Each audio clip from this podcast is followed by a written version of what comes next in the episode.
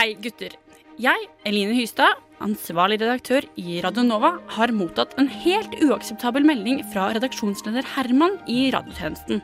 Uh, uh, Herman kan ikke ha sendt den meldingen. Hæ? Men hvorfor kan ikke han ha sendt den, tjenestemann Holbæk?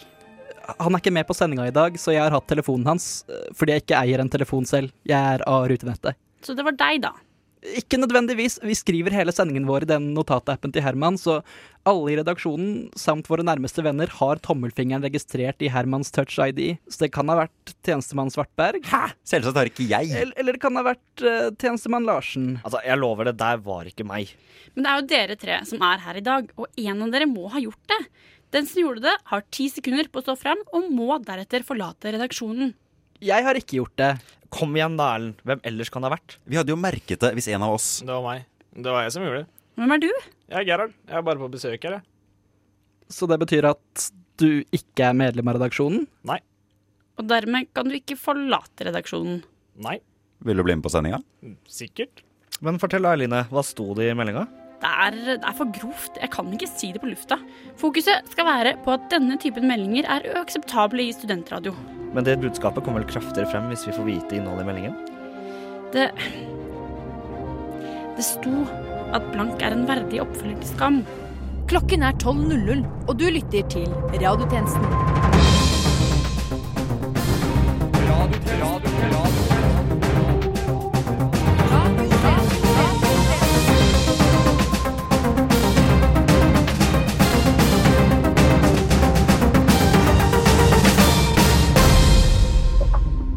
Velkommen til denne ukens radiotjenesten. Mitt navn er Erlend Lunde Holbæk, og dette er Nytt under sol.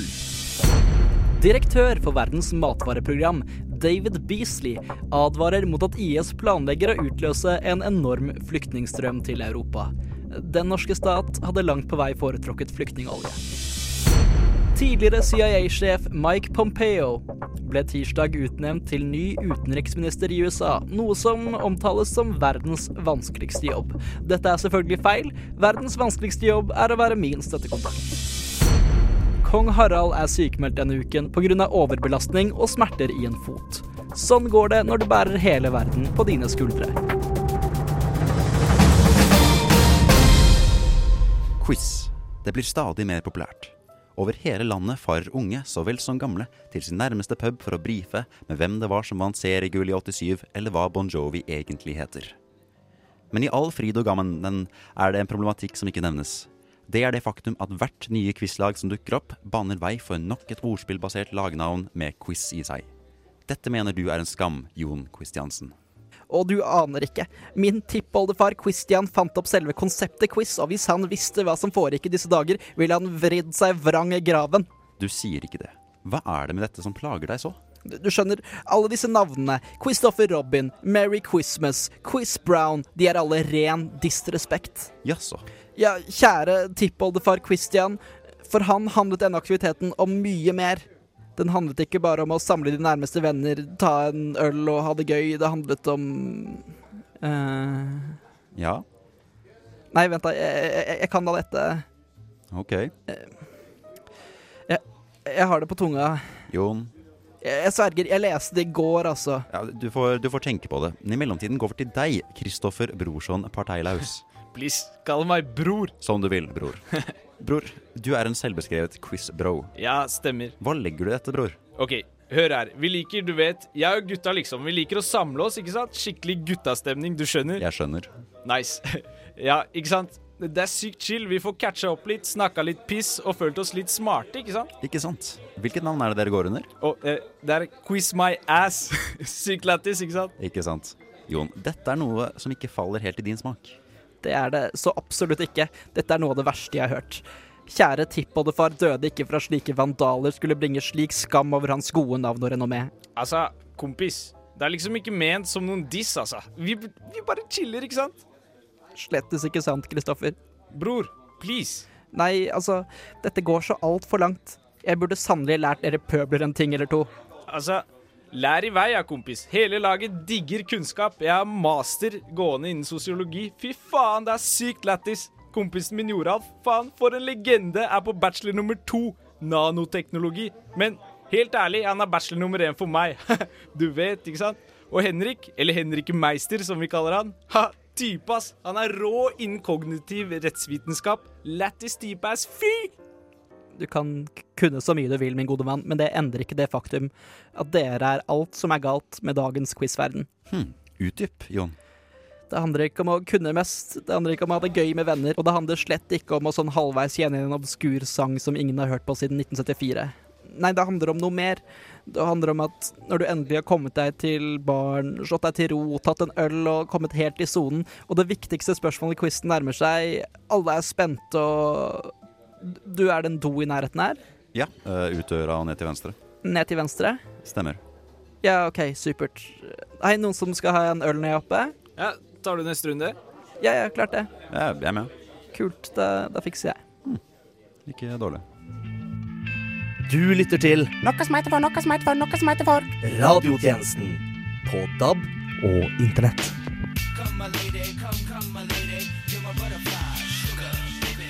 Peter Madsen er nylig dømt til livstid, men du, Peder Madsen, er på livstid dømt med en navneforvirring med livstidsdømte Peter Madsen. Allikevel sier du at du liker å speile deg i hans glans. Eh, hva mener du med det? Nei, altså i Danmark har vi det problemet med at ingen snakker norsk, så Peter blir fort til Pil, som gjør at jeg også blir kalt for P. Madsen. Men det er jo egentlig ikke så dumt. Hva mener du, folk tar deg for å være en morder, og du syns det er greit? Ja, altså, jeg har alltid hatt en drøm om å komme i medias søkelys, og nå er jo navnet mitt, så vel som meg, på diverse kommunikative kanaler. Men hva gagner det egentlig deg? All PR er vel ikke alltid god PR? Jeg liker å få oppmerksomhet rundt oppfinnelsene mine, som i framtiden vil forandre hverdagen for folk flest. På den fronten er Peter Madsen mitt store idol. Så du er oppfinner du òg, så kult. Men hva, hva har du funnet opp? Eh, noen av mine mest vellykkede oppfinnelser kan jeg vel nevne. Kjør på. Eh, Jenter og gutter som meg, med langt hår, eller folk generelt med langt hår, bruker mye tid på å tørke håret, så jeg har funnet opp tørketrommelen som tørker hår. Ja, hårføneren, jeg har alltid ment at den er litt for upraktisk. Ja, ikke sant? Og tørketrommelen har forskjellige moduser som kan gi deg ulike varianter av wettlooken, men også superdry om du ønsker det. Og hårets volum vil også nå nye høyder om du setter på 1600 omdreininger. Og det er ikke farlig? Nei, nei, nei, men jeg anbefaler ikke å bruke den på katter. Uh, hvorfor ikke? De kan dø. Men jeg har også funnet opp lyskryss som bare viser grønt, og best av alt, den selvspisende pizzaen. Helt oppriktig, hvem ønsker seg en pizza som spiser seg selv? Jeg personlig ønsker å spise pizzaen min. Det, det er ikke poenget. Du, du kan få den med forskjellige smaker. Er ikke det fantastisk? Um, Nå jobber jeg med en hammer som etter et drap forsvinner.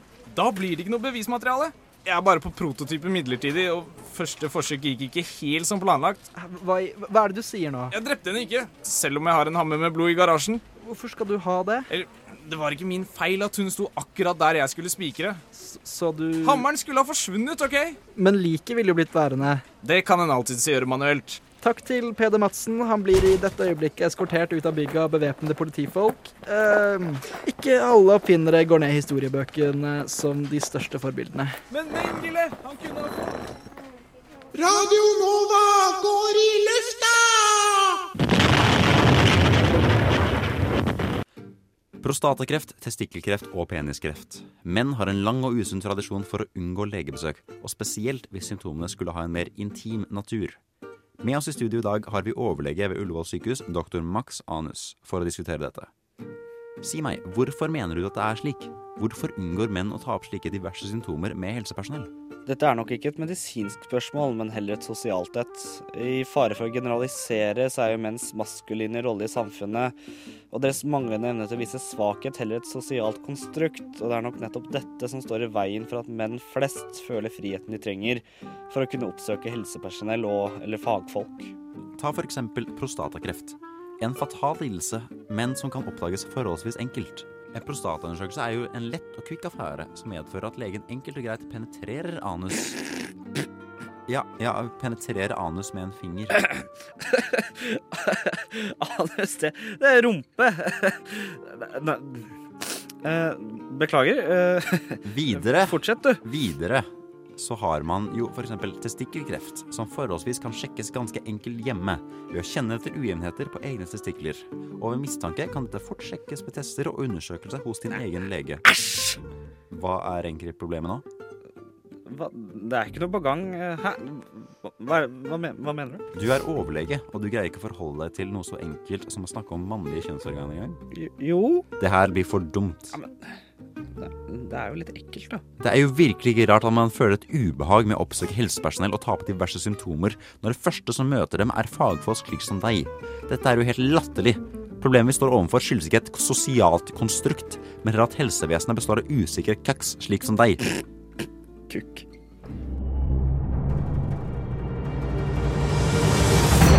Latter. Tårer. Bøker. Dritt. Kultur. Underholdning.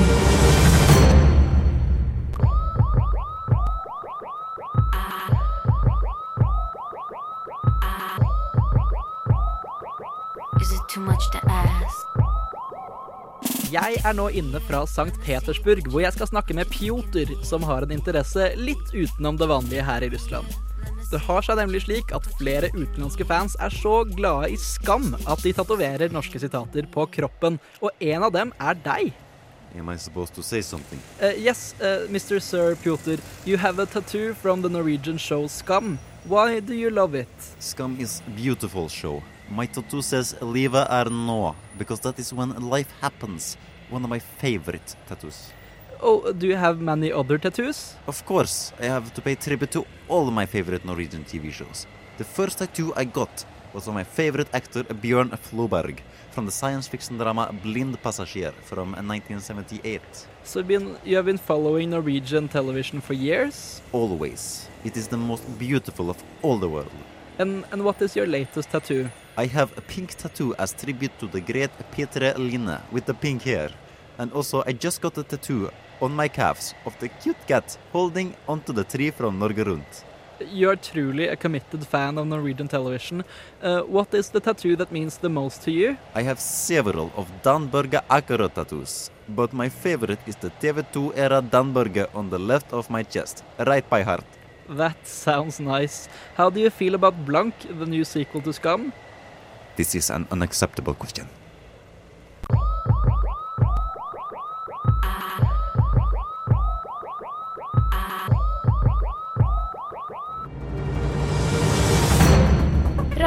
Radiotjenesten følger noen aktuelle personer som ingen andre følger.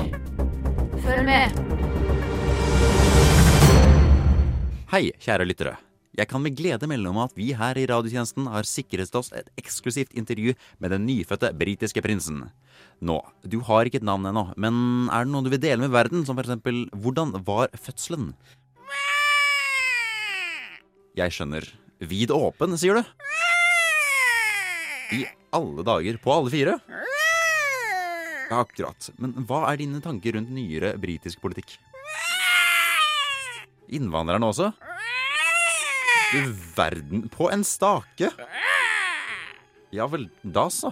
Men hva er dine tanker rundt den beryktede brexit?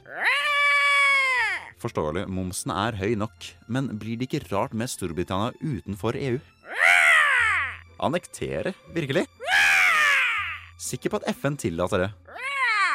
Ja, ja, jf. artikkel 41 og 42, jeg vet, men hva med Du, altså Deres Høyhet Helt ærlig, hvem syntes dette var en god idé? Veldig godt spørsmål.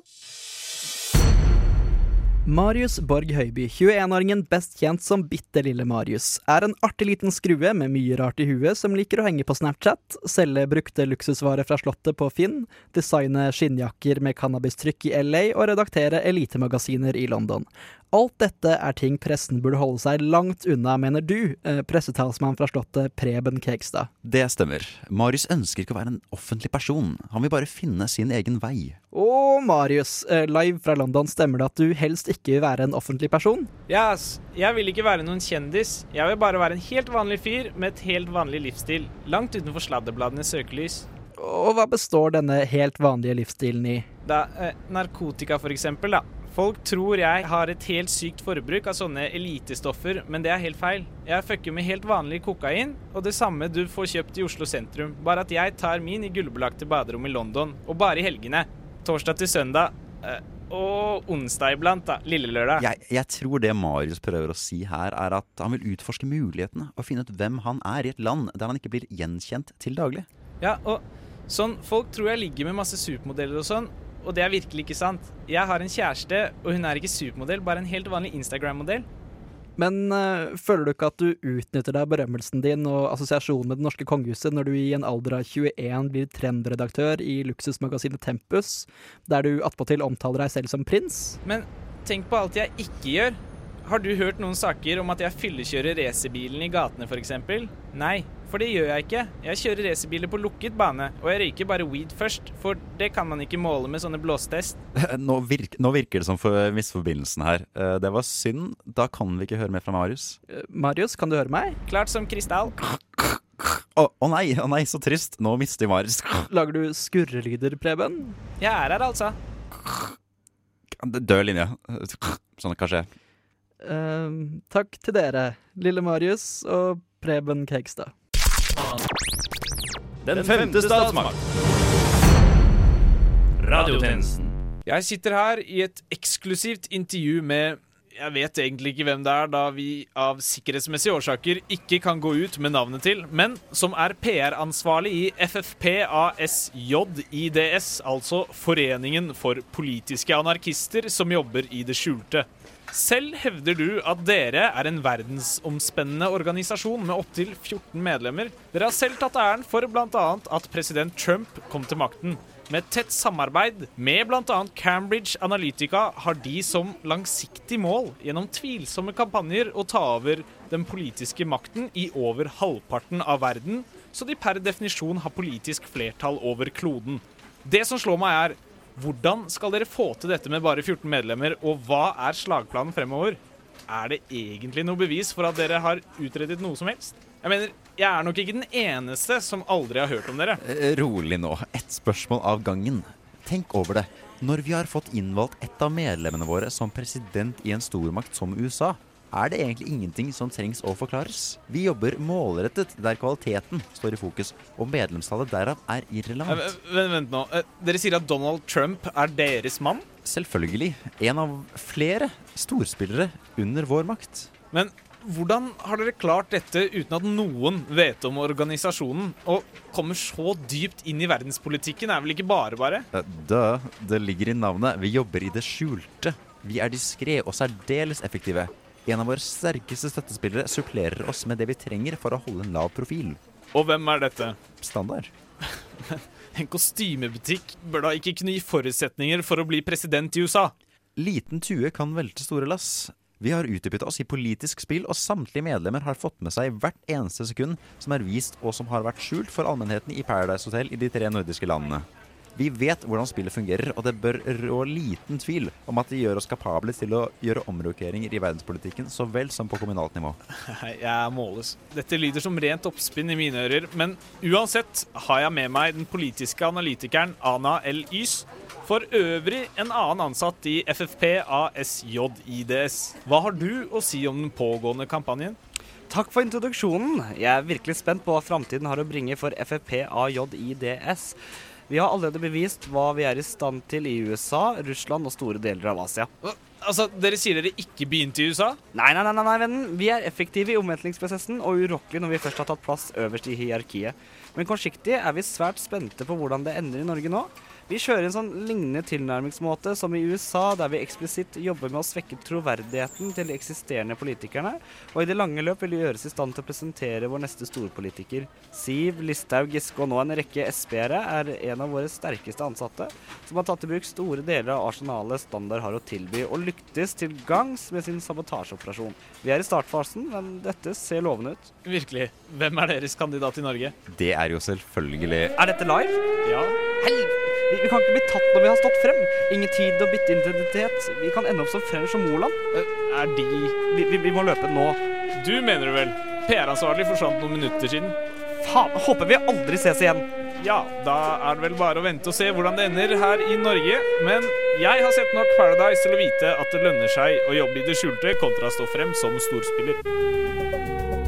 Og med det er radiotjenestens tilmålte tid forbi, men fortvil ikke. Du finner oss som alltid på Facebook, Twitter, Instagram, Snapchat, Soundcloud og sånn midt på treet.